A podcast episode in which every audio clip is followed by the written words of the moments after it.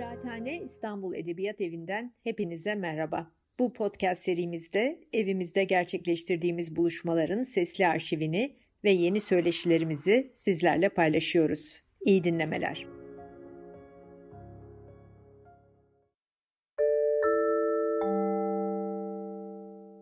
Herkese iyi akşamlar. Ee, Kıraathane Gastronomi Konuşmaları serisinde bu ayki ilk konumuz e, çok değerli Cenk Sönmezsoy. Hoş geldin Cenk, çok teşekkür ederim. Hoş bulduk. Ben teşekkür ederim, sağ ol. Hiç aslında bir ön tanıtıma ihtiyacın yok ama ben kısaca izin verirsen belki yeni yeni seni keşfedenler için kısa bir ön tanıtım yapacağım. Tabii, tabii. E, 2006 yılından beri e, İngilizce ve Türkçe olarak yayınlanan Cafe Fernando adlı blogun sahibi Cenk ve aynı isimde basılan yemek kitabının yazarı ve fotoğrafçısı. Şimdi göstereceğim çok ağır. Bilkent Üniversitesi aslında işletme bölümünden mezun. Daha sonra University of San Francisco'da MBA programını tamamladı. Ve önce San Francisco'da bildiğim kadarıyla daha sonra Türkiye'de hem halkla ilişkiler, pazarlama ve reklamcılık sektörlerinde çalıştı. Blog artık böyle 4 yaşına geldiğinde de kurumsal hayatı tamamen bırakıp e, tam zamanlı blog hazır, yazarı olarak devam etti. E, ilk kitabı Cafe Fernando, az önce gösterdim. Bir pasta yaptım, yanağını dayar uyursun. 2014 yılında e, yayınlandı ve bu yıl 15. baskısını yaptı. Çok tebrik ederim. Teşekkürler, ee, sağ olun ve Gurman Dünya Kitapları Ödülleri Kitapları Ödülleri'nin blogger kategorisinde dünyanın en iyisi ödülünü aldı. Ee, kitabın İngilizce versiyonu olan da The Artful Baker Extraordinary Desserts from an Obsessive Home Baker. Sanırım bunu çevirmek zor olduğu için bir kitap evet. imkansız için. Bunu çevirmek imkansız. evet. Ee, o yüzden böyle bir bulunmuş e, bu başlıkla ve alt başlıkla yayınlandı. 2017 senesinde New York'ta Abrahams Yayın Evi tarafından hem Amerika'da hem İngiltere'de hem de Kanada'da yayınlandı kitap. Ve blogda Times gazetesi tarafından dünyanın en iyi el yemek blogu dahil birçok ödül aldı. Yani gurur duyuyoruz hepimiz seninle. Çok da mutluyuz bu akşam e, davetimizi kabul edip e, geldiğin için, misafirimiz olduğun için. Ben teşekkür ederim davetiniz için. Şimdi e, aslında bu hikayenin biraz da nasıl başladığı herkes tarafından aslında biliniyor. Ee, ama böyle bazı mesela ilk defa izleyenler olabilir ya da yeni yeni bu dünyaya adım atan e, böyle hani blogger dünyasına adım atanlar olabilir. Onlar için biraz da izin verirsen soru cevap üzerinden e, bu hikayeyi Tabii. biraz detaylandırmak istiyorum. Şimdi e, Bilkent'i bitirdikten sonra San Francisco'ya gittin evet. MBA yapmak için. Ve hep söylüyorsun yani blogta, kitapta, e, söyleşiler, yaptığın söyleşilerde de e, orum. Oranın yemek kültüründen ve tatlı kültüründen özellikle çok etkilendiğini e, den bahsediyorsun. Hep. Yani ilk orada mı başladın yemek yapmaya? Çünkü çocukken galiba pek yemekle yapma deneyimin yokmuş. Öyle değil mi? Aslında ilk Bilkent'te zorunluluktan Hı. başladım yemek yapmaya ama e, yani bu işte öğrenci yemeklerinin pek ötesine çıkmıyordu. Son senemizde bir e, ilk üç sene yurtta yaşadım. Orada yemek yapmak zaten e, paylaşılan bir mutfak var. E, bir hmm. tane buzdolabı var. İçinde bir şey bırakamıyorsunuz gibi sebeplerden dolayı yapacağınız şeyler çok kısıtlı. Son senemizde bir eve çıktık Ankara'da. E, orada işte annemden öğrendiğim bazı ev yemeklerini yapıyordum. E, Amerika'ya gidince orada hiç yemek yapmadım. Çünkü gerek yoktu.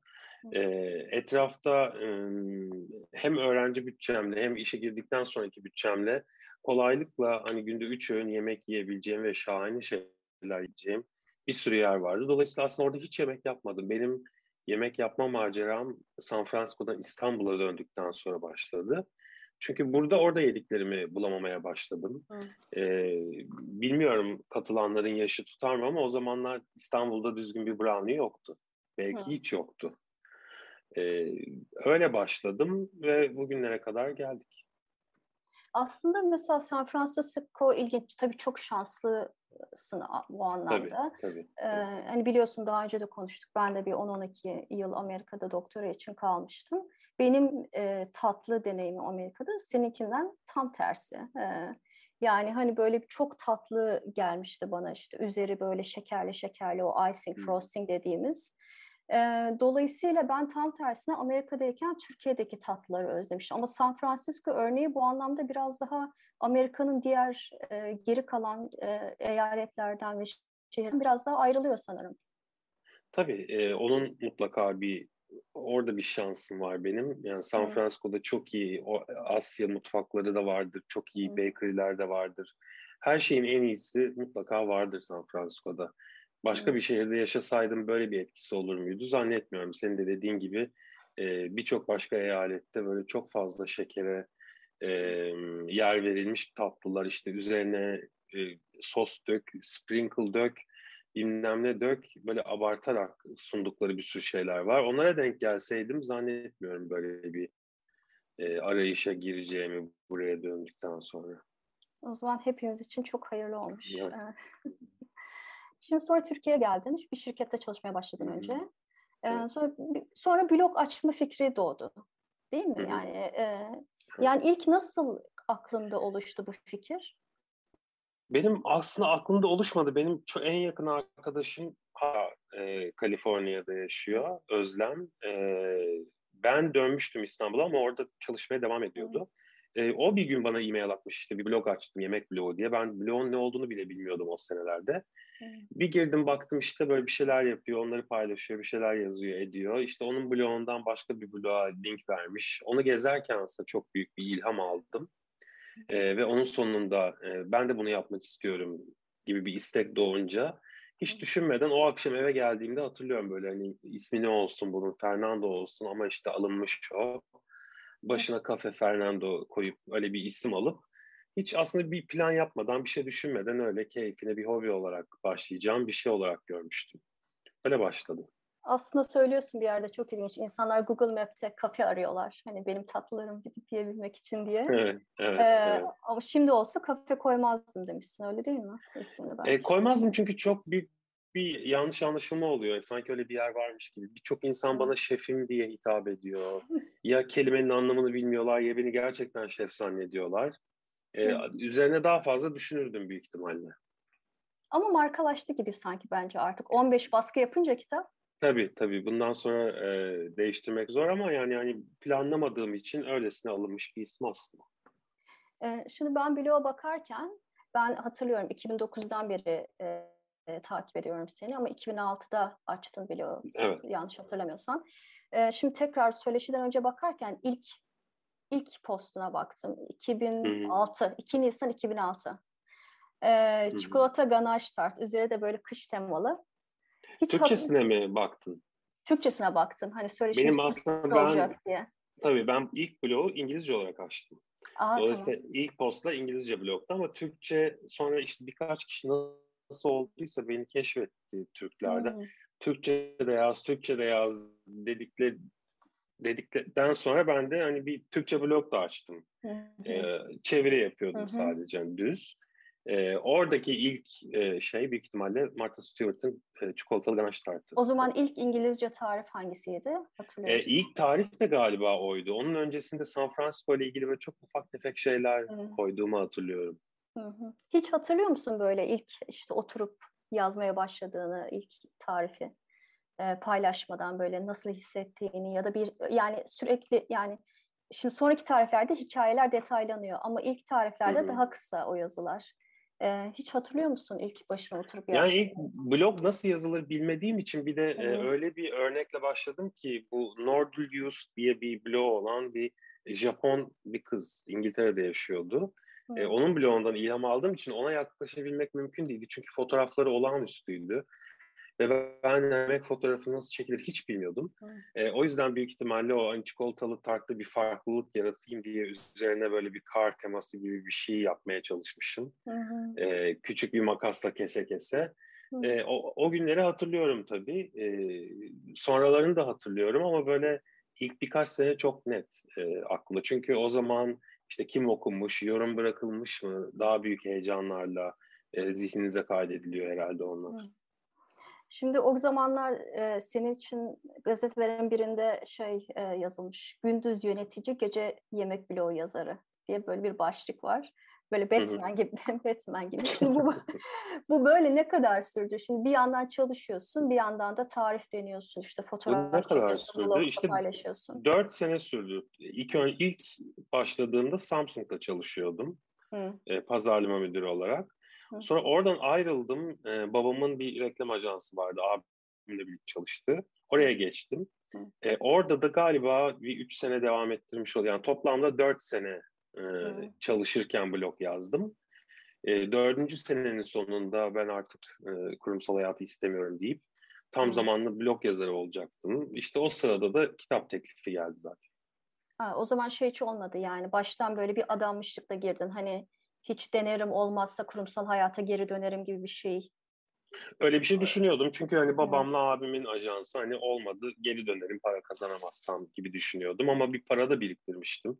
Hmm. E, dolayısıyla hani bir güvenlik bir şeyim vardı e, hmm. bir birikmişim. E, onun da tamamını kitaba harcamış oldum. Ailenin tepkisi nasıl oldu o zaman? E, ailemin babam m, çok bir karşı çıkmadı.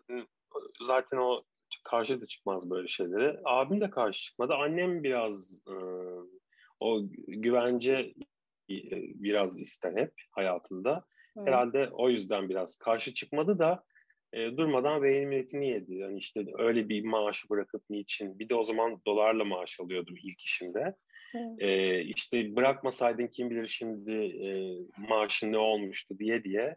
Yani o pek göremedi bu işin nereye varacağını. Gerçi ben de göremedim ama ben hani mutlu olmak istiyordum sadece. O ofis ortamı e, beni çok mutsuz ediyordu. Hı. Aslında mesela şey deniyor genelde işte iş hayatını bırakıp blogger oldu. Böyle bir arasında tezatlık kuruluyor ama e, ben böyle bir tezatlık görmüyorum. Özellikle senin örneğinin özelinde. E, çünkü böyle tam tersi böyle nasıl diyeyim birbirini sanki besleyen iki süreçmiş gibi geliyor bana. Böyle çünkü bu kadar çok yönlü bir işin böyle nasıl diyeyim tarihlerin ayarlanması, fotoğrafların çekilmesi, o kitap süreci, mesela okudum o kitap sürecini ay ay çektiğin, yani benim mideme hı hı. ağrılar girdi hani okurken ki senin neler yaşadığımıyorum bile. İşte o kağıt kalitesi, sağ sol marjinleri, puntosu, ne bileyim. Ee, yani bu işin görünmeyen çok nasıl diyeyim ayrıntısı var, arka planı var değil mi? Yani her Tabii. bu bu arka planın da her aşamasında senin bir karar vermen bekleniyor. Hı hı. Ee, hem de bu kararı editörlerle ya da seninle birlikte iş yapan küçük bir grup var galiba. Anladığım kadarıyla küçük grupla çalışmayı seviyorsun. Ee, yani bu bence hem MBA hem kurumsal hayattaki çalışma sanki seni buna hazırlamış gibi. Yani bu kadar karar ve kontrol nasıl diyeyim yelpazesi geniş bir işte çalışırken çok yarar sağlıyor olmalı şu anda hiç böyle düşünmedim ama bana yani ilk aklıma içimden gelen şey buna hayır demek. Çünkü ben kurumsal hayatta çalışıyordum ama hiçbir zaman kurumsal hayata ait olmadım. Ee, çok iyi bir çalışan mıydım? Bence değildim ama e, işte ben de herhangi bir hata çıkmazdı benim yaptığım hiçbir işte. E, o kontrol manyaklığı bence doğuştan gelen bir şey. E, kurumsal hayatın size pek öğretemeyeceği bir şey. E, o benim içimde her zaman vardı. E, bir de küçük bir grupla çalışmıyorum, kimseyle çalışmıyorum aslında kitap sürecinde. E, sadece hani bana da aslında bırakılmadı bu. Ben biraz e, insanların elinden almış gibi oldum. Hmm. Ama bunda tabii Türk yayıncımın, e, ilk Türk yayıncımın çok büyük etkisi var. E, ilk Okyanus yayın evinden çıkmıştı ve onun sahibi Cem Umcu e, bana çok büyük bir özgürlük tanıdı aslında. Hı hı. E, ilk, bir yazara tanınmayacak bir özgürlüğü bana tanıdığı için e, ben aslında istediğim gibi bu kitabı yaratabildim. E, ardından gelen Amerikalı yayın evim de aslında aynı şekilde davrandı bana. Hiç e, noktasına virgülüne bile dokunmak istemediler. Şimdiki Türk e, Türkçe, Türkçe kitabın çıktığı e, yayın evim Mundi de aynı şekilde. Hep çok iyilere denk geliyorum belki de. Şansım biraz oradan. E, kurumsal hayatın faydaları mutlaka olmuştur. E, çünkü çok fazla e, bölünüyorsunuz bir sürü şeye. E, ama m, bence biraz daha içimden gelen, doğuştan gelen bazı şeylerin etkisi daha çok gibi geliyor. Hı. Ya şimdi bize şeyi konuşmak istiyorum aslında. Birbiriyle bağlantılı bir iki konu var aklımda. Şimdi sana soruluyor mesela neden yemekten çok tatlıya ağırlık veriyorsun diye kendi yani ya da blog iç ya da kitapta e, özellikle hani baking etrafında daha çok dönüyor mesela. Senin de genelde verdiğin cevaplarda böyle hani yemeği e, yani neyi sev yemeği seviyorsam hani onu ona yöneliyorum. Sonuçta tatlıyla aram daha çok anladığım kadarıyla. Daha yani daha çok diyemem çünkü yani günlük yediklerimi düşününce tatlının hmm. oranı daha fazla değil aslında yemekten. Evet. Çünkü kimsenin hayatında böyle olmamalı bu arada. Ama kitabım öyle düşünürsek bu kitabın adı Cafe Fernando. Hmm. Ve hani blogumu yazmaya başlamam ve sonrasında hep benim baking tariflerim, tatlı hmm. tariflerimle ilerlemiş bir şey. Ve aslında ben o kitapta e, San Francisco'daki Cenk'ten kitabını çıkaran Cenk'e kadar ki olan hayat hikayemi anlatıyorum. Hmm. E, dolayısıyla burada da neler olduysa onu yazmak durumundaydım. E, o, o hikaye onu gerektiriyordu ama hani ömrüm boyunca sadece baking kitabı yazacağım diye bir durum yok tabii. Ama tatlıya düşkün müyüm? Evet çok düşkünüm. Ya bana böyle biraz şey gibi geliyor. Aslında biraz bunu şeyden sordum senin fikrini almak için. Böyle baking başka bir dünya yani. Hani yemek yapmaktan biraz farklı. Böyle başka bir keyfi var onun. Ben mesela diyelim canım sıkıldığında ya da bir şeye dertlendiğimde hani gireyim de bir kıymalı bezelye yapayım demiyorum. Tabii, ee, tabii. Yani o derdi yoğurmak için diyeyim. E, cevizli havuçlu kek yapıyorum mesela ya da ekmek yapıyorum. E, çünkü ya da kurabiye yapıyorum mesela. Bu mesela Covid döneminde de çok gördüğümüz bir şey. Yani baking konusunda işte ekmek yapma, marketlerde maya kalmaması falan. Yani insana iyi geliyor. Yani sanki daha rahatlatıcı bir etkisi var. E, katılır mısın? E, katılırım. E, aslında burada ekmeği bir tarafa bırakmak lazım. Çünkü o sanki hani baking'den birazcık ayrı gibi geliyor bana. Başka bir yanında duruyor ama e, baking'in diğer şekerle alakalı şeyleri düşünürsek aslında bunlar hayatımızda hiç ihtiyacımız olmayan, yani hayatımızı sürdürmek için ihtiyacımız olmayan şeyler. E, yani bir brownie yeme, yemezsen ölmezsin sonuçta ama her gün mutlaka diğer besin gruplarından sebze vesaire e, yemek durumundayız. Dolayısıyla onları yaparken belki de aslında hani hayatımızı idame ettirmeye çalışıyoruz ama tatlıda öyle bir durum olmadığı için benim açımdan en azından evet. bana göre yapabileceğimin en iyisini yapmalıyım. Çünkü hani evet. hani zaten aslında hani yememin şart olmadığı bir şey. Çok da güzel olmayacaksa zaten yemenin bir anlamı kalmayacak. Ee, benim bakış açım böyle rahatlatıcı etkisi e tabii yani şimdi çikolatayla kıymalı bezelye karşılaştırılamaz herhalde rahatlatma etkisi olarak benim aklım hep dondurmaya gidiyor ama. Hmm. Gerçi senin için e, neydi e, Brüksel lahanasının e, çikolata kadar e, etkisi varmış galiba ve e, şey, benim brokolinin... çok çok sevdiğim çok sevdiğim bir sebze Brüksel lahanası brokoli değil. E, hakikaten öyle bir etkisi var benim için en sevdiğim sebzedir. Hmm. Yani şimdi ben neden bu böyle diye düşünürken bir yazıya rastladım, birkaç yazıya. Şey, bu Amerika'da şey kurulmuş, Depressed Cake Fund, Shop Foundation. Şimdi bu bunun da bir CEO'su var, işte Valerie Van Gelder isminde. Şimdi onun teorisi şu diyor ki mesela baking yemek pişirmekten daha fazla dikkat ve kontrol gerektiriyor ya. Dolayısıyla Siler saniyesinde yani ne kadar işte kaç gram e, ne koydum, un koydum, kaç dakika bekledim, kimya gibi yani. Dolayısıyla bütün beyninizi, bütün düşüncelerinizi ona vermek durumundasınız. Yani o an sizi o keki yapmaya iten derdi düşünürseniz kek bir fecahat yani sonuçlanabilir. Dolayısıyla bütün konsantrasyonunuzu vereceğiniz bir e, yani bu anlamda hani diğer yemek pişirme yöntemlerinden birazcık ayrılıyor. Onun böyle bir teorisi var. Bilmiyorum. E, bana çok mantıklı geldi. Bana biraz aslında yüzeysel geldi çünkü depresyonla e, depresyon bu kadar e, ya, hayır, bir şey o değil. İsim bence. çok yani. yanlış tabii de yani hani. Ha yani eğer hani gerçekten hani depresyonda olan insanlar kastetmiyorsa ve sadece hani bir tabii, şey tabii. olsun diye öyle bir isim koyduysa evet hani katılabileceğim noktalar var ama e, aslında birçok insan yemek yaparken de aynı e, derinliğe girebilir yani. O Brüksel'de anılarını da çok uzun süre bırakırsan bir, bir şekilde yanacak. Ama dediğin gibi baking'de çok fazla e, değişiklik yapmaya açık olmayan ve bir işin mutlaka bir kimyası, bir formülü olduğu için orada biraz daha dikkatli olmak zorundasın. Evet ve biraz böyle hayattan kopuyorsun. işte atıyorum bir yarım saatliğine e, örgü örmek için de aynı şey söyleniyor mesela. İşte aynen, aynen, aynen.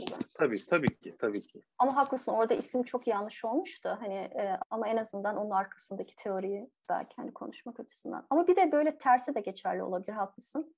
Çünkü mesela senin dediğin de bir şey var. E, mesela baking'de nasıl diyeyim, fırına girene kadar kontrol sende aslında. Hani, sala, hani salata gibi değil. İşte Tabii. salatada sonra tuzunu ayarlarsın, ekşisini, zeytinyağını evet. falan. Ee, yani baking de fırına girene kadar ya da işte sen tabii ki daha vakıfsın da yani o zamana kadar kontrol edebiliyorsun ama fırına girdikten sonra bütün kontrol senden de çıkıyor bir yandan da. Evet tabii ki. Yani o yani, süreci... Ha. Pişti mi pişmedi mi diye kontrol edebilirsin. En fazla e, ne bileyim bir fırın termometresi alıp gerçekten gösterdiği ısıda pişiriyor mu onu kontrol edebilirsin ama çok da fazla aslında yapabileceğin bir şey yok. Yani hmm. o karıştırma esnasında ya da malzemeleri ölçerken bir hata yaptıysan bunun sonucunu mutlaka göreceksin dediğin gibi. Bir salatada kötü bir şey olsa bile atıyorum bir yemeğe çok tuz bile atsan e, patatesi ortadan ikiye kesip içine atarsan o tuzu bir şekilde e, onu yemeğin içinden çıkarabiliyorsun mesela ama baking'de hakikaten böyle bir şey yok. Yani dolayısıyla demin konuştuğumuz şeyin aslında tam tersi düşünürsen yani hani keke sonradan şeker ekleyemeyeceğine göre e, çıktıktan sonra. E, dolayısıyla bir yandan nasıl diyeyim tamamen çaresizleştiren yani tamamen böyle biraz sabrı, nasıl diyeyim biraz tevekkülü, o çaresizliği kabullenmenin işte ne bileyim e, bir süreden sonra o sürece dahil olamamanın erdemini de öğretiyor. Yani hani dolayısıyla yemek yiyip pişirmenin tam tersine insana hayatı öğreten de bir tarafı var baking'in. Yani pandemiye ya çok uygun depresyon yani. Için, depresyon için bu dediğin çok daha faydalı bence bunun farkına varabilmek. Ee, hani çikolata yiyip de ya da atıyorum o hazırlık aşamasında aklının başka bir yere gitmesindense böyle bir şeyi görüp deneyimlemek bana göre daha faydalı. O sanırım şey demeye çalıştı. Yani sürekli beynin aktif olduğu bir süreç baking. Yani salatayı doğrarken belki soğan doğrarken, marul doğrarken başka bir yere gidebilirsin. Ama onu ölçerken gidemezsin yani mecbur o gramı bakmak zorundasın. Dolayısıyla... Evet ama istemediğimiz düşünceleri ben e, bir şekilde e, aklımızdan atmaya çalışarak yok edebileceğimizi zannetmiyorum da o yüzden. Hı hı, evet tamam. Şimdi o zaman bununla ilgili e, biraz da bunun çokça tartışılan bir konuyu sormak istiyorum sana. Tabii. Mesela e, şimdi sen bu tarifler e, nasıl diyeyim gastronomik miras mı diyeyim adını bilemiyorum. O konuda ne kadar gelenekçisin diye merak ediyorum ben. Çünkü mesela bir röportajında işte bloğa tarif verirken mesela neden bu kadar titizleniyorsun? Hani her şeyini yaz soruyorsun nasıl bu kadar titizlenebiliyorsun diye sormuşlar sana. Sen de e, şöyle bir şey demişsin. Lezzeti tutturmaktansa mesela bu hassasiyetin o tarifi sonraki nesillere geçirmede daha etkin olduğuna dair e, de görüşünden kaynaklandığını. Yani ne kadar tarif doğru, detaylı olursa o tarifin bir sonraki nesle aktarımında e, o kadar hatasız bir süreç bizi bekliyor. Yani düzgün bir tarif senin dediğin gibi her şeyin çıkış noktası. Şimdi tarifin nesilden nesile doğru aktarılmasına ilişkin ve bu sürecin hiçbir soru işaretine nasıl diyeyim e, yer vermeyecek kadar kontrollü bir aktarım sağlanması konusunda bir titizliğin var. Doğru mu? Ee, evet, öyle bir titizliğim var. Ee, aslında bu titizlik e, bir sonraki nesillerle birebir onunla kaynaklı değil. Benim oradaki amacım bunu ilk yapacak ya da bu kitabımı satın alan insanın e, harcayacağı zaman, e, işte para verip aldığı malzemeler vesaire e, bunlar çöp olmasın diye benim ultra bir uğraşım gibi düşünüyorum.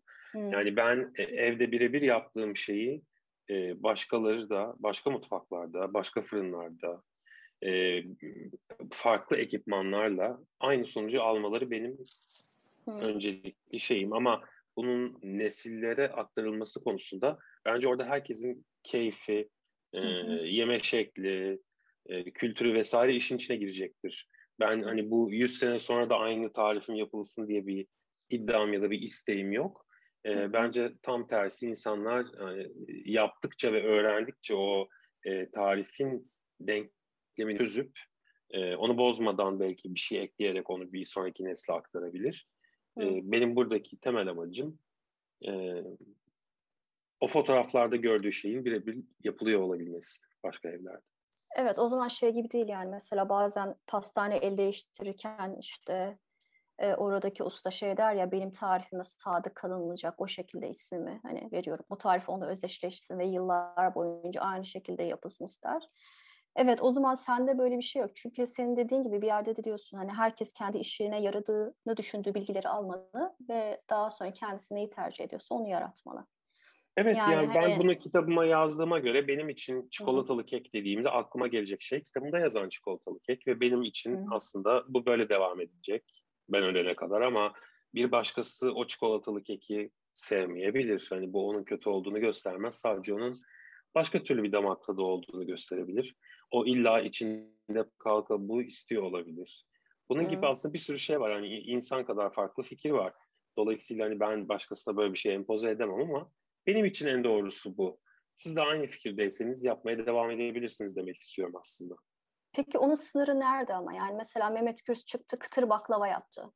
İşte dedi ki mesela işte daha az şeker kullanmanın yolunu işte bilmek zorundayız. İşte mesela nasıl ki gelişerek değişerek baklava bugünlere geldi. Baklavanın yarında var olması için e, gelişmesi gerek dedi mesela. Şimdi mesela baklavayı yufkasız yapmak mümkün mü? İşte kıtır yap, baklava böyle bir silindir şeklinde. Kesinlikle hani bir Antep ustasının mesela gördüğünde ona baklavayı andırmayacak bir formda yapılması. Hani sınırların bu kadar zorlanmasına e, e, da şey misin yani hemfikir misin? E, yani bunun da hiçbir sakıncası yok. Sınırlar zorlanabilir. Benim benim için herhangi bir sakıncası yok. Sadece evet. o Mehmet Gülsün tarif ettiği baklavanın tadına bakmam gerekiyor. e, beğenirsem yiyebilirim. Beğenmezsem e, başka bir baklava yiyebilirim. Benim böyle kesin ve katı kurallarım yok. Her şey mümkündür. Evet. Eğer beğeniyorsa insanlar yiyebilir. Beğenmiyorsa canın istediğini yiyebilir ama mutlaka her zaman e, çoğunluğun istediğine göre bir şey piyasada mutlaka olacaktır. Hı hı. Yani bunu engellemek mümkün değil. Evet doğru. Bir de şey soracağım. Şimdi mesela akademide sosyal bilimler için konuşuyorum daha çok. Mesela bir kitap yazarsınız. Mesela bir şey yanlış yorumlamışsınızdır. İşte bir şey yanlış hesaplamışsınızdır. Böyle ne bileyim işte meslektaşlarınızla aynı deneyimden geçtiğinden size biraz da mesleki nezaketle hoşgörü gösterirler. İşte derler ki mesela işte kitap şu şu açılardan katkı sunarken işte şu şu açılardan biraz daha işte üzerine düşülmesi gereken argümanları var. Böyle yumuşak bir zemine oturuyor akademide eleştiriler. Ama şimdi yemek dünyada pek böyle değil. Çok acımasız geliyor bana. Yani böyle bloklarda falan siz, seninkinde hiç nedense böyle çok şükür böyle bir şey rastlamıyoruz. Ama mesela bir tarif tutmuyorsa insanlar çok acımasız yazabiliyor işte şekeri az geldi, bunu işte e, yani mutsuz bir kitle oluşabiliyor. Ama senin deneyimin biraz daha tam tersi sanırım. Çünkü e, senin de dediğin gibi hiç yemek yapmayı bilmeyen biri oturup senin tarifine bakarsa e, birazcık yani uğraşırsa neredeyse aynı sonucu alabiliyor. Ama sırf burada bitmiyor. Tabii benim e, kaç senelik yaklaşık 2006'dan sayarsak 16 senelik bir blog yolculuğum var ve beni evet bu 16 sene içinde o kadar çok şaşırtan soru ve yorum ve şey geldi ki e, yani bunları burada anlatmaya vakit yetmez ama şöyle bir durum da var. Benim verdiğim tarifi değiştirmeden yapması gerekiyor ve e, söylediğim ekipmana sadık kalması gerekiyor bazı konularda. Yani dediysem yuvarlak bir kek kalıbı o baton bir kek kalıbında pişirdiyse aynı sonucu almayabilir sonuç olarak. Eğer benim anlattığım gibi e, bir şekilde ilerliyorsa evet aynı sonucu alabilir ama insanların çoğu böyle değil. E, nedense e, benden bir şeyler olsun düşüncesiyle e, aslında çok da işin kimyasını bilmeden bazı değişiklikler yapabiliyorlar. İşte e, kabartma tozuyla karbonat aynı şey olduğunu düşünüp işte biri evde yoksa öbürünü kullanmak gibi çok büyük bir hata yapabiliyorlar mesela. Ya da atıyorum daha denemediği tarifin şekerin çok geleceğini düşünüp onu işte yarısına kadar kullanabiliyor. Ama bilmiyor ki işte şeker aynı zamanda bir e, pişirdiğiniz kekte nem de e, veren bir şey. Dolayısıyla hani yarısını kestiğin anda kupkuru bir kek elde edersin. E, ki zaten o şeker yarıya kadar kesilebiliyor olsaydı ben zaten kesmiştim. Çünkü ben tatlılarda şekeri çok fazla seven, hani bol şekerli olsun diye uğraşır değilim. E, bana göre optimumunu e, her zaman veririm gibi gibi durumlar var. Aslında o kadar e, kesin ve net bir cevabı yok bunun. Çünkü insanların çok çok azı verilen tarifi birebir uyguluyor. Ama aslında sen o kadar üzerine düşeni yapmışsın ki ben büyük bir hayranlıkla e, özellikle kitap sürecinde, özellikle İngilizce basımı sürecinde Rachel'dı sanıyorum. Editör, editör mü? Tam emin değilim. E, kitabın editörlerinden biri mi? Bütün Rachel, tarifleri, tek tek deneyip, Evet, o editör değil, tek. tarifleri deneyen arkadaşım. Hı hı, kendi ee, bloğu vardı sanıyorum. Evet, onun da bir bloğu var. Ee, profesyonel olarak da bazı tatlı yapma girişimleri falan olmuştu eskiden. Hı. Başka kitapların da e, tariflerini denemişliği var bugüne kadar. Hı. Bütün tarifleri o denedi evinde. Yani böyle her tarif bir kimya deneyi gibi. Ee, nasıl diyeyim hani her tarih bir hipotezin yapıldıktan sonra yani görüyorsunuz sağlamasını tutuyor hepsi. Hani böyle evet. değişkenler sahip nasıl diyeyim değişkenler sabit olduğu sürece hata payı olmaksızın aynı sonucu, sonucu veriyor. Yani biz bu durumlarda master doktora derecesi veriyoruz. Yani özellikle kimyada. Burada sana bilmiyorum kaç tane vermeliyiz. Kaç tarif varsa çok inanılmaz bir titizlikle çalışılmış. Hem Sağ ol, Türkçesi hem de İngilizcesine çevirirken de ben tahmin edebiliyorum aynı meyvelerin oradaki muadilleri, ölçüler, kim bilir ne süreçlerden geçti. Tabii ben e, kitabı daha anlaşma bile imzalanmamıştı. E, oradaki kitap menajerimle görüşmeye gittiğimde e, bir bavul dolusu malzemeyle geldiğimi hatırlıyorum. Olur da imzalanır da kitap çıkacak olursa ve ben İstanbul'da işte tarifleri deneyen kişi bir şey tutturamazsa hani öyle bir durumda ben de burada bir şeyi deneyebileyim diye işte un, şeker, pudra şekeri vesaire gibi hani bazı temel şeyleri doldurduğum bir bavulla geldim buraya. E, çünkü e, baking bir kimya olduğu için farklı kullandığınız bir un bile e, her şeyi bambaşka bir hale getirebiliyor. Şeker Hı. mesela oradaki toz şekerle buradaki toz şekerin granülleri o kadar farklı ki boyutları. Hı. Dolayısıyla bizim daha uzun çırpmamız gerekiyor. İşte benim bazı tariflerimdeki çok uzun çırpma süreleri Rachel bir baktı çok fazla yayılmaya başladı kurabiyeler. İşte ona göre bazı şeyleri ayarladık gibi. Çok ince aslında e, hesaplanan bazı şeyler de var. Ama bu böyle olmak zorunda. Yani e, evet bu e, hani bununla beraber okuyucu da sizden e, sürekli her aşamada bir şeyler öğrendi. Yani dikkatli okuyucular şimdi düşünürsek. Ama sizin ve yani e, nasıl diyeyim senle okuyucu arasında da inanılmaz bir etkileşim var bu bu süreçte. Bu bütün blog sürecinde. İşte e, evet. şey e, sanırım podcast'te, MSA podcast'inde söylediğim bir şey 50 bin yorum var blogda. Hı hı. Evet. E, bunların da 25 bini soru cevap demişsin. Ee, mesela şöyle bir soru var gördüm şu an tarifi yapıyorum. Şurupta bir topak oldu, şeker erimedi. Erimeyen kısmı alıp gerisini kullanayım mı diye mesela bir soru gelmiş. Senden de cevap evet. yani inanılmaz bir sabırla e, şuna ben çok şahit oldum. Belki yüzden fazla, belki bin kere vanilya çubuğu, şeker vanilin ve e, vanilya özütünün farkını açıkladın. Yani bir hmm. böyle bir Word dosyan mı var? Copy paste mi yapıyorsun? Çünkü aynı soruyu sürekli geliyor. Ee, Valla o, o konuyla ilgili bir blog yazısı yazana kadar tek tek cevaplıyorum. Evet. İşte hani en sonunda belki yazmışımdır bir şekilde de hani artık oraya link veriyor vermeye başlamışımdır. Ama hiçbir zaman gelen bir yoruma cevapsız bıraktığım, sildiğim, başka bir şey hala. şey yaptığım olmadı. Evet Hı-hı. hala da öyle. Evet. E peki bu yani senin bloggerlığın süresince yani okurlar da gelişti, büyüdü, yani öğrendi bir şeyler. E, bu sorular üzerinden şöyle bir bakarsan, şöyle bir genel çerçevesinde böyle e, Türkiye'de özellikle Türkiye'deki okur kitlesinin sence bu süre zarfında yemekle, tatlıyla, mutfakla olan ilişkisi, beklentisi, ne bileyim bu hataların tekrarlanma sebebi, merakı nasıl bir değişime uğradı? Böyle bir genel sana bir nasıl diyeyim çerçeve çiziyor mu e, Türkiye'deki okur kitlenle ilgili? Yani daha mı meraklı ee, oldular, daha mı yeniliğe açık oldular? Ee, kesinlikle daha meraklı ve daha yeniliğe açık oldular. Ee, geçen gün birisi yazmış ya Instagram'da ya başka bir yerde tam olarak hatırlamıyorum ama e, Türkiye'de süt reçeli diye bir şey yoktu ben bloguma yazdığımda. Hatta e, kitabıma koyacağım e, yengeme söylediğimde sütün reçeli mi olur dedi bana. E, sene kaç? 2013, 2012 filan.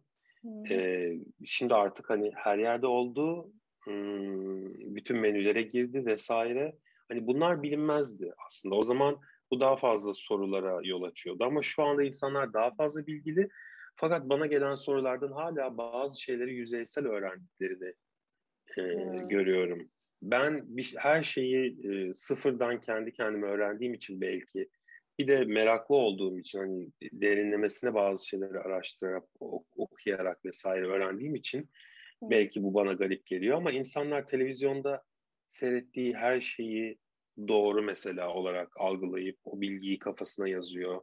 Hala çok deneyimli şeflerin bile işte eti mühürlediklerini çünkü bunun hani neminin kaçmasının engellediği gibi şeyleri falan söylüyorlar. Ama bunlar hep böyle kulaktan dolma bilgiler. Ee, çok şaşırtıyor beni. Bunları seyredenler de zaten hani bir şef diyor bunu deyip bu bilgiyle yola devam ediyorlar. Biraz yüzeysellik hep vardı. Şimdi daha çok var. Ee, durum böyle. Ama yani ben de hani çok da hakimim diyemeyeceğim tabii ki de. Peki sence e, Türkiye'deki okuyucu kitlenle yurt dışındaki kitle arasında böyle bir e, fark var mı? Çünkü mesela şey benim çok dikkatimi çekti. Şimdi mesela Amerika'da bir kitap basıldığında, Avrupa'da basıldığında bile kitap kapakları farklı yapılıyor. Hani evet, evet. E, sonuçta o okuyucuya hitap eden Hı. bir şekilde bir e, nasıl onun kumaşına göre dikiliyor yani. Hani öyle söyleyeyim. e, hatta yemek kadar bu kadar kültürle çok iliş, iç, içli dışlı olan bir konuda bunun daha da böyle olmasını beklersiniz. Ama mesela senin kitabın neredeyse hani kapak aynı, e, başlık sadece farklı biraz. Evet. Yani nasıl diyeyim, e, Amerika'da, Kanada'da ve Avrupa'daki okuyucuya göre tailor edilmeyecek kalitede demek istiyorum ben. Yani Sağ hani şu şu açıdan söylüyorum. Yani evrenselliğini vurgulamak açısından söylüyorum. Yani öyle bir şeye gerek kalmamış. Hiç. Evet aslında ama onun için ben savaşmadım da değil. Yani e, yayın evinin başka kapak önerileri oldu. Fakat tabii ki de yüzde yüz inanmasalar, hani benim fikirlerimi sadece hani ben ısrar ettim diye kimse kabul etmez. Amerika'da böyle bir şey mümkün değil. Ee, bir şekilde günün sonunda onlar da aynı e, yere geldiler benimle.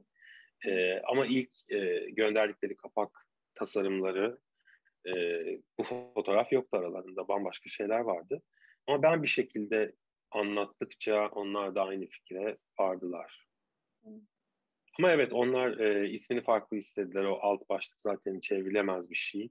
Onu değiştirdik. Aslında güzel oldu bir şekilde. Peki şimdi bu kadar birikim inanılmaz bir birikimin var. Bu hani e, yani hem tarif açısından fotoğraf çekilmesi, yeme bunun stilistliğini yapmak yani hem çok güzel nasıl diyeyim e, bir estetik gözün var yemeğe, renklere dair hem de yani all in one böyle hani bir şey İsveç çakısı gibi mi diyeyim yani hepsi bir bir, bir, bir ee, şimdi o yüzden ben e, seninle söyleşi yapacağımı bir işte etrafta konuşurken e, dediler ki böyle bir ya hiç online kurs, workshop bir şey vermek iyi düşünüyorum. Eminim çok soruluyor bu soru sana.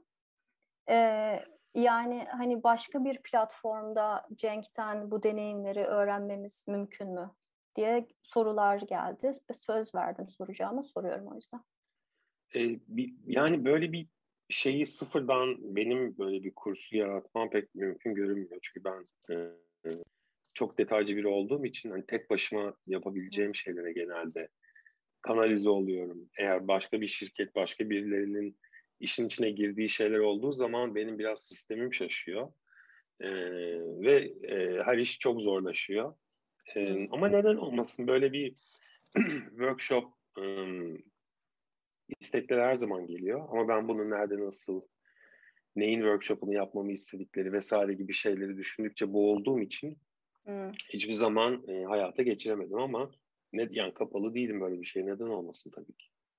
Bir de tabii o kadar yorucu bir süreç ki yani şu kitabın sana ne yaptığını ben bile ondan biliyorum. Yani demişsin sol yanağım uyuştu ve hani en ilginç olan o bölüm bitmeden doktora da gitmemen yani. Hani Öyle hani... bir vakit yoktu da o yüzden.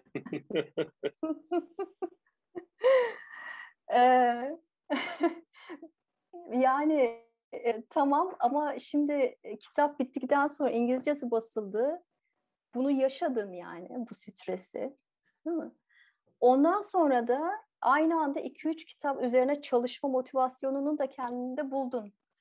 Hani e, inanılmaz bir şey bu. E, buldum ama çalışıyor değilim. Hmm, yani yanlış anlaşılmasın. Ben e, İngilizce kitabım bitti. Sonra kitap turuna gittim. E, 2017'nin sonu gibi, 2018'in başı gibi döndüm. E, o günden bugüne aslında o hani yanağımın uyuşmasıyla başlayan şeyler kat kat arttı. Zaten orada anlattıklarım bunun buzdağının sadece bir Eminim. görünen ucu. Çünkü anne, annem de okuyor blogumu. Ee, bir sürü insan okuyor. Dolayısıyla her şeyi anlatmak zaten çok kolay da değil. Bazen kelimelere de dökemiyorsunuz ama e, o ikinci, üçüncü, dördüncü, beşinci kitaplar onlar benim hep aklımda olan şeyler. Hı hı. Ama maalesef eskiler e, o şeyi kendimde bulamıyorum. E, motivasyonu kendimde bulamadığım seneler geçiriyorum biraz. E,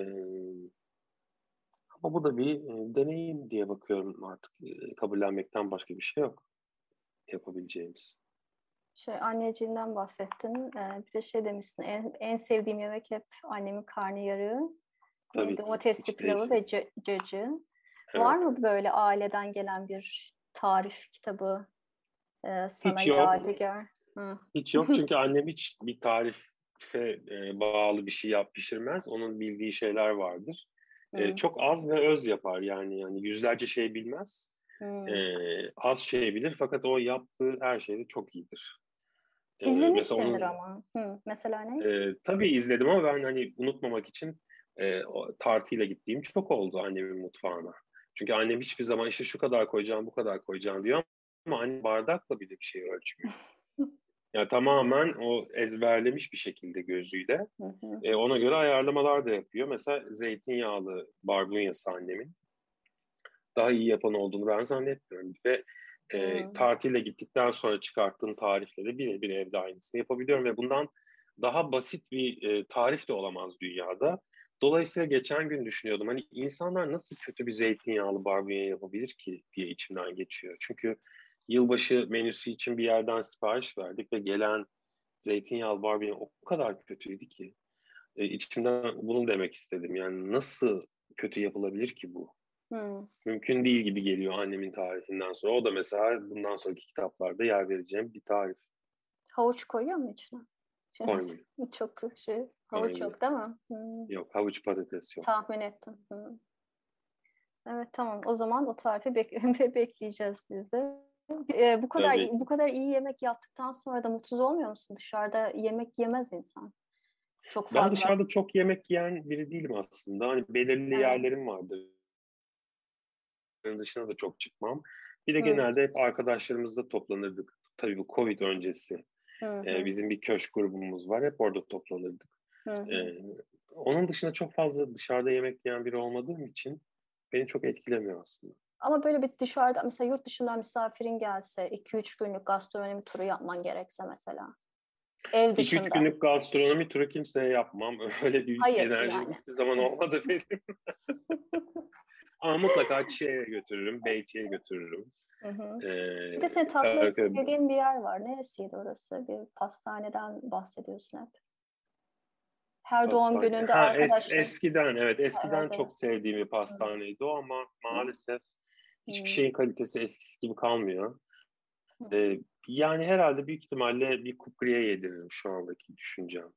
Hani illa bir tatlı istiyorsa onu onu yedirmek isterim arkadaşıma. Ee, başka ne olabilir?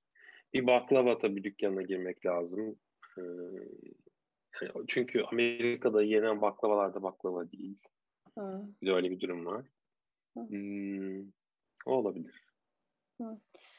Şimdi biraz seyircilerden sorular geliyor. Yavaş yavaş istersen onlara tabii, da geçelim. Tabii seve seve. Ondan önce ben çok teknik bir soru sormak istiyorum moderatörlüğümü kullanarak. Bu kek şimdi alt üst turbo beraber mi yoksa sadece turboda mı pişecek? Yani alt hangisi? üst turbo beraber. Benim beraber. kitabımdaki bütün tariflerim aksini belirtmediğim sürece Hı. alt, üst ve turbo. Hep birlikte. Hepsi. Hı. Evet. Tamam. Eğer öyle değilse mutlaka tarifte belirtmişimdir. Ee, şey, ama e, tabii bu dediğimi de bir kural olarak algılayın ama Bir de şöyle bir şey var. Kitabın başında başlamadan önce diye bir kısım var. Herkese onu okumasını tavsiye ederim. E, fırınlar çok fazla değişiklik gösteriyor. E, dolayısıyla benim e, evimdeki fırın e, iki ev sahibi öncesinden kalan bir fırın ve e, çok çok eski bir fırın. E, ve benim oradaki pişirdiğim her şeyin e, belirlediğim şey, e, ayar bu. Ama sizin evinizde belki başka bir makine vardır, yeni bir e, teknolojidir, şudur budur. Bunu en iyi test etmenin yolu aslında e, Cenk'in ev kurabiyesiyle başlamak. E, ne bileyim 24 tane kurabiye çıkıyorsa iki tanesiyle bir tepsiye koyun ve benim belirttiğim ısıda, benim belirttiğim sürede pişirin. Sonra bakın eğer altı çok karardıysa büyük ihtimalle hani sizin gö- fırınınız gösterdiğinden daha yüksek ısıda e, çalışıyordur ya da siyah renkli bir e, tepsilanmış olabilirsiniz.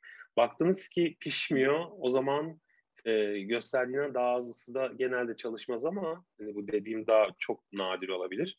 O zaman belki işte e, o ayarını daha farklı bir şekilde ayarlamanız gerekiyordur. Yani sonuçta kendi fırınınızı kendinizin tanıması lazım. Yani benim gelip onu e, deneyimleyip size öğretmem maalesef mümkün değil. O siyah tepsiler neden daha hızlı pişiriyor diğerlerinden hep? Isıyı daha çok emdikleri için hmm. koyu renkli şeyler. Tamam. Ya Cenk bu soruda cevaplarken sonraki soruyu gözlerin parladı. Anladım yani o enerjini, şey mutfakta sana gelen enerjiyi şu an bir bir bütün seyirciler gördü bence. Şimdi birkaç yorum ve soru var. Bir tanesi Eslem Kalkan, sanıyorum ismini vermemde bir şey yok. 13 yaşından beri heyecanla takip ediyorum Cenk abiyi. Sağ olsun. Şimdi İsmi 17... tanıdık geldi yorumlardan zaten. Şimdi 17 yaşında hastacılık alanında girişim ve gelişim gösterirken kendime aldığım ilk kitap olmuştu. İmzalı olmamasına üzülürken iki yıl sonra imzalı halinde çekilişle kazanmış. İyi ki varsınız diyor e, sevgiler. Teşekkürler. Demiş. Ee, bir de sorum yok fakat belirtmek isterim ki şu hayattaki en büyük tutkularımdan biri Pavarotti eşliğinde Cafe Fernando tarifleri denemek diye bir, e, bir yorum gelmiş. Ee, bunun dışında bakıyorum. Ee, bunun dışında sorusu veya yorumu e, olan varsa çete yazabilir, e, bizimle paylaşabilir. Şu an ben e, soru cevap kısmına da bakıyorum. Hı. E, şimdi fırın, teknik bir soru var izninle. E, fırında alt üst turbo değil de sadece üst turbo varsa ne yapıyoruz? E, alt üst, yani bundan şunu anlıyorum, alt üst de var. Ama turbo seçeneğinde sadece üst ya da sadece alt seçebiliyor gibi mi anladım? Doğru mu anlıyorum? Eğer öyleyse alt üst turbosuz çalıştırmasını öneririm. Ee, ama hani hı. bunun da ne gibi bir şey yol açabileceğini bilmiyorum tabii şu anda emin değilim. Ee, yani tüm tarifler harika diyen bir izleyicimiz var. Çoğunu yaptım. O da alt üst fırın kullandım. Fan çalıştırmadım demiş. Hı, evet ben de onu dedim. Yani fan hı. çalıştırmak ısıyı daha eşit bir şekilde dağıtıyor. Hı hı. Ee, ona yarıyor. Benim o yüzden tercih ettiğim bir şey. Ee, ama e, yukarıda Tuğba Hanım'ın dediği gibi e, turbo sadece üst ya da sadece altla çalışabiliyorsa benim önerim turboyu eleyip eğer alt ve üst birlikte çalışabilen bir ayar varsa onu da, onu da pişirmesi. Aynı Ülke Hanım dedi. Ee, şu yeni kitap e, ne zaman çıkıyor e, diye e, soran demin konuştuk bunu aslında. Ee, ee, yeni kitabın bir çıkış tarihi yok bir şey. Hı hı. Ee, bir zaman belirtmem maalesef mümkün değil şu anda ama Hı hı. E, hayatımda başka bir şey yapmıyorum. Yani ilk amacım o. E, sadece hala üzerinde çalışıyorum. Hı hı. Tamam. Ee, biz de merakla bekliyoruz sonu. Sağ ee, e, bir de şey soruları geliyordu böyle işte e, nasıl diyeyim e, mesela süte alerjisi neydi e, gluten evet gluten hmm. alerjisi olan kişiler için böyle bloğunuzda ayrı e, böyle bir tarif kısmı e, olacak mı gibi böyle sorular vardı bir de. Böyle. Ee, evet ben ben de onlara şey diyordum. Hani doğal olarak glutensiz bazı tarifler var. Onları deneyebilirsiniz. Yani benim glutensiz yapmaya çalıştığım değil de kendiliğinden evet. zaten glutensiz olan. Ama onlar için bir brownie tarifi var kitapta. Leblebi e, tozuyla hazırladığım. Bir de benim de yakın zamanlarda gluten sene bir hassasiyetim gelişti ve bir süredir e, yememeye çalışıyorum. Evet. Ve aslında benim de ilk değiştirmeye çalıştığım tarif şey oldu. Hmm, e, bir badem, bir vişneli bademli alt üst kek var benim tarif, kitaptaki en sevdiğim tarif. Şimdi o keki e, glutensiz hale getirmeye çalışıyorum. Sonuçlarını mutlaka paylaşırım. Evet. Ee, bir soru daha geldi, affedersin. Ee, Ankara'ya imza gününe gelmeyi düşünüyor musunuz diye soran bir seyircimiz var. Ee, benim düşünmemle maalesef olmuyor böyle şeyler. İmza günleri genellikle, evet, genellikle kitap çıktığı zaman yayın evi de değil tam, e, kitap satılan yerlerin bir talebiyle oluşan e, durumlar oluyor. Bazen tabii yayın evleri de e, kitapçılarda olmak zorunda değil çünkü imza günleri e, düzenleyebiliyor ama e, artık 15. baskısı olan bir kitap için bir imza günü olabileceğini artık düşünmüyorum. Hmm. E, olursa belki pandemi bittikten sonra olabilir. Ankara olur mu bilmiyorum. Ben gelecek tekliflere göre hareket ediyorum çünkü. Ben tabii ki de isterim e, ama kesin de bir şey söyleyemem. Peki son bir iki soru sorup artık kapatayım. Eğer seyircilerimizden başka sorusu olan varsa lütfen yazın. E, yeterince tuttuk çünkü e, bir saat oldu tam dört dakikamız var. E, daha fazla yormayalım ki daha fazla e, enerjiyle yemekler, e, tatlılar deneyebil. çünkü biliyorum yazmışsın aynı zamanda temizlik de çok önemli senin için. O mutfak evet. böyle tertemiz olmadan e, rahat etmiyorsun. Bu çok hani meşakkatli bir süreç herhalde değil mi? Hem hazırlanması, daha sonra fotoğraf Tabii yani bütün her şey bittikten sonra o temizlik zaten o kadar gözünüzde büyüyor ki yani normalde zaten gözünüzde büyüyen bir şey. O yorgunluğun üstüne aslında hani e, ben temizliği terapi gibi de e, yapan insanım ama o anda terapi falan bile aklınıza gelmiyor. e, fakat bir şekilde olmak zorunda çünkü o şekilde bırakamam yani ya ben burada fotoğraf çekerken her yerden bir şeyler damlamaya başlıyor çünkü e, o anda onları kontrol etmekle vakit kaybedemeyeceğiniz e, durumlar da olabiliyor fotoğraf çekimi esnasında. Hmm, ama hani işin şey bir yanı diye düşünelim hani e, hmm. bir dikeni gibi. Ya bir de şey şimdi insanlar şöyle düşünüyor. E, mesela sen yapıyorsun hepsi sana yiyorsun sanki. Oh ondan sonra sanki işte filmin karşısına geçiyorsun. Aslında öyle değil değil mi? Fotoğraf çekerken dondurma eridi mi mesela? Tabii, tabii. onu yiyemezsin ya da işte bazı şeyleri biliyorum. O kadar çok çekmekle uğraşıyorsun ki artık yenmeyecek. Yani bir, değil mi? Bir, bir süre sonra. Şöyle oluyor yani bir şey atıyorum bir kekin tamamını çekiyorsunuz önce. Sonra hmm. diyorsunuz ki ya şuradan bir dilim keseyim de içi görünsün. Hani içinde ne var onu görsün. Bakanlar bir dilim kesiyorsunuz. Baktınız kötü dağılıyor işte altı şöyle bir şey oluyor yani. E, ya da atıyorum içi çikolatalıdır. O kestiğiniz yerde o çikolata tam istediğiniz yerde değildir. Küçüktür, bir şeydir, eşit dağılmamıştır. Bir dilim daha kes, bir dilim daha kes derken zaten bir bakıyorsun 12 dilime ayrılmış bir kek ve e, kırıntıları gibi bir şey kalıyor elinde. Tabii bir de bu kekler hani oda sıcaklığında kaç gün dayanır, buzdolabında kaç gün dayanır, buzlukta kaç gün saklanır gibi testler de var yapmam gereken. Ee, bazıları o oluyor. Bazılarını işte e, tadına, e, damak tadına güvendiğim insanları denetmek için götürdüğüm oluyor. Hmm. E, yani hiçbir şey, e, bu keki yaptım da e, fotoğrafını çektim de hepsini ben yedim gibi bir olay. Altın kızları açtım da geçtim karşısına Yok, değil. Yok öyle, öyle bir şey değil tabii. bir de bu kadar çok yemekle haşır neşir olduktan sonra insanın o yeme isteği de aslında kaçıyor. Hmm. Ee, şimdi tabii şu an seyircilerimiz e, haklı olarak komşularınızla paylaşıp paylaşmadığınızı Bunu acaba bir komşum mu soruyor? Komşumuz olsaydınız keşke demiş Fatma Ayar Hanım. Ha öyle mi? Hı hı. E, profiterol için e, beyaz çikolatalı bir sos hazırlamak istersek içeriğini böyle çok biraz e, detaylı bir soru. E, Şimdi bu soruya genel bir cevap vereyim. Evet, evet. Yani Hı. insanlar bitter çikolatalı bir tarifi Hı. zannediyorlar ki bitter yerine beyaz çikolata kullanırlarsa beyaz çikolatalı bir tarif olacak ama öyle bir şey değil. Beyaz çikolata aslında bir çikolata değildir. İçinde sadece kakao yağı vardır ve şeker vardır. Dolayısıyla bitter çikolata e, ile verdiğim bir tarifi bunun beyaz çikolatalısı nasıl olur diye sormak aslında bambaşka bir tarif istemek anlamına geliyor.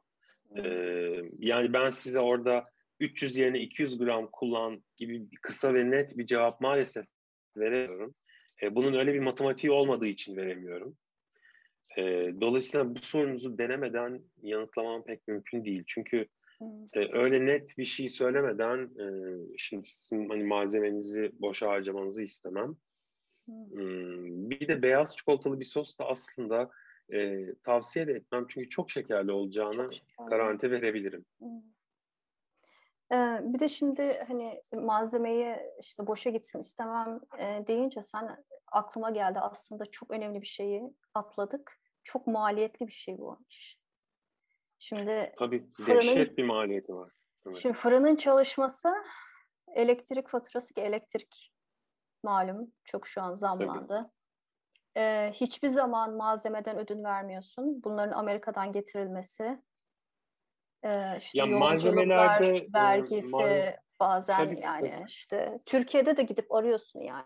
Yani her zaman tarif malzemeyi çağırmıyor. Bazen malzeme tarifi çağırıyor senin için. Tabii. Tabii. Ee, dolayısıyla çok masraflı. Yani ne kadar kitap 15 baskı da yapsa hani bloğun çok hani katılımcısı, seyircisi de olsa zor bir iş.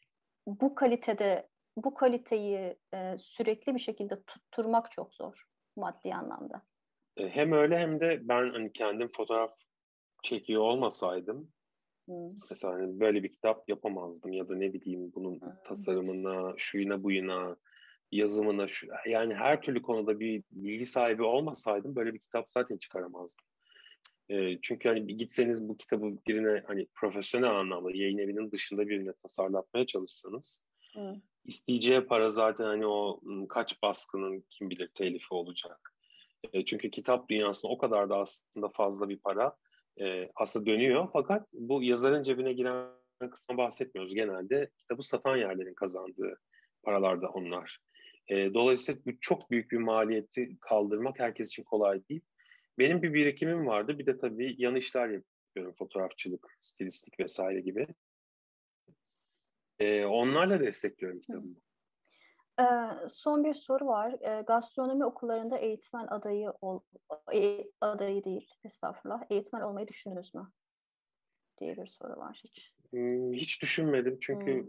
bana göre ben bir eğitmen olacak kadar konuya hakim değilmişim gibi geliyor. Yani hakim değilmişim derken ne bileyim çikolatalı dondurmaya hakimimdir büyük ihtimalle de o e, derste işlenecek her şeyin de bir öyle hani ce- cevapsız bırakamayacağım soru yoktur diyebilecek kadar bir kendimde şey bilgili görmüyorum ve ben hani bir kitap okuyarak işte video seyrederek vesaire öğrendiğim için belki böyle bir güvensizliğim var kendime ama e, eğitmen olacak kadar böyle bir profesyonel olarak hiç düşünmedim böyle bir şey. Bunu bilmiyorum ama bir eğitmen yani ben katılmıyorum tabii ki şu an söylediğine e, izninle ama e, yani bence hani her türlü donanıma sahipsin. Özellikle de bir sabra yani hani bir üniversitede biri mesela bir silibus'a bir şey yazıldığında öğrenci o soruyu sorarsa silibus'ta yazıyorsa cevap ver, verilmez yani hani silibus'u açıp okuması. Ama sana aynı soru yüz kere sorulmuş, yüz kere cevap vermişsin. Yani büyük bir sabır ve özveriyle. Bu inanılmaz, inanılmaz bir şey. İnanılmaz ama işte bunun insanlar sadece bu kısmını görüyor ve bunun benden ne götürdüğünü göremiyorlar. Bir de hani ben eğitmen olmak istiyor muyum diye de bir soru var aslında. Tabii tabii. E, her şeyden öte. Hani ben uygun muyum ayrı bir konu. Ben orada zaten kendime sınıfı geçirtmiyorum. Belki de bilerek mi bunu bilerek mi geçirtmiyorum onu da bilmiyorum ama hmm. e, bir de öyle görünmeyen bir tarafı var tabii senden neyi götürdüğünü, annenden daha çok neyi götürdüğünü belki kadıncağız o yani e, senin bu sürecin seni ne kadar yorduğunu görmek en çok onu e, yormuştur eminim ama şimdi en azından e, o zamanki hani demiş ya işte acaba işe devam mı etsem şimdi belki hani e, fikri değişmiştir diye düşünüyorum. Mu? Valla bazı günler fikir değişmiş gibi konuşuyor. Bazı günlerde aslında pek öyle konuşmuyor. o yüzden annemin ne dediğine e, bilemeyiz. Yani her gün günü gününe değişiyor aslında. E, son bir yorum var. E, Cenk Bey'in tarifleri e, lezzet standartlarını çok yükselttiği için başka tarifler denediğimde tadım aşamasına eşim tarafından bu kafe Fernando tarifi değil e, ve yemem tepkisiyle karşılaşmak şaşırtıcı olabiliyor demiş. Aslında o anlamda şöyle de bir şey. Mesela 100 tane kitap koysanız bir e, masanın üstüne, hani kapakları kapatılsa işte isimler, ben de bilirim yani hangisini senin yazdığını. Yani hem çok e, yani hem e, fotoğrafçılığın, stilistliğin ve e, o e, tarife verdiğin özen bu bunu Cenk yazmış dedirtiyor yani. Hani senin bir stilin var Aa, şu an. Olma. Ve bunu tek kitapla yapmak yani tek kitap ama tabii ki yani hani kitap bilmiyorum. Aslında bunlar bunların çoğunu bloguma borçluyum. Yani sen de işte bakmışsın ilk e, yazdığın blog yazısına. Hani ne kadar arada bir fark dağlar olduğunu görebiliyorsun. E, ve hani de diyoruz ya işte bütün o yorumlara nasıl cevap yazdın tek tek diye. Yani çünkü ben işe bu sıfır okuyucuyla başladım. Dolayısıyla bir, iki, üçüncü, dördüncü okurun değerini benden daha iyi kimse bilemez. Hı hı. E, ben o yüzden herkese cevap veriyorum ve e, hiçbir zamanda bundan e, bir şey duymuyorum. Duymamaya çalışıyorum. E, e, sıfırdan öğrendiğim için ve insanlardan bu sorular geldikçe insanların nelere takıldığını gördüğüm için tarifleri de ona göre hep şekillendirerek yazıyorum. Yani e, bir tarifi yazmaya başlayınca zaten otomatik geliyor. Şu şunu soracak, bu bunu soracak, bu bunu diyecek, bunun cevabı burada olmalı. Hepsi bir şekilde o, o işin içine giriyor. Tamam o zaman e, cheesecake yiyor musun altın kızları? E, çünkü onların öyle bir ne zaman bir konu konuşulması gerekse hmm. mutfakta cheesecake yeme e, adetleri cheesecake var. Cheesecake evde çok yapmıyorum, çok sık yapmıyorum. Genelde dondurma hmm. daha sık yapıyorum. Ama şu sıralarda biraz işte daha fazla bu glutensiz hale nasıl getirebilirim sevdiğim şeyleri hı E, çabasındayım. E, genelde o tip şeyler aslında e, Altın Kızlar seyretmem çok geçlere kalabiliyor. Bir de eskiden karşısına geçip izlerdim ama son senelerde artık yatmadan önce daha doğrusu yattıktan sonra e, karanlıkta izlemeden sadece dinleyerek uykuya dalıyorum. E, öyle seyretmeye başladım bir süredir. O yüzden hani o sırada da bir şey yiyemiyorum tabii. Çok teşekkür ederiz. Ben ee, teşekkür ederim. Çok keyifliydi. Ee, bir saati birazcık geçtik ama. Ne güzel. Yani biz bize kalsa hep dinleriz ama çok çok teşekkürler zamanın için, sabrın için, blogda tek tek düşünüp herkese cevap yazdığın için, böyle bir sanat eseri diyeceğim ben buna, yarattığın için. Çok sağ ol, teşekkür ederim. Ee, çok teşekkür ederiz. Ee, ben de beni davet ettiğiniz için çok teşekkür ederim. Dinleyen herkese de sevgiler. Seyircilerimize de çok teşekkür ediyoruz e, katıldığınız için. O zaman biz seni takip etmeye, blogda yeni projelerinden haberdar olmaya devam edeceğiz. Tamamdır. Çok teşekkür ederim tekrar. Tamam. İyi geceler herkese. Çok teşekkürler. Herkese iyi akşamlar.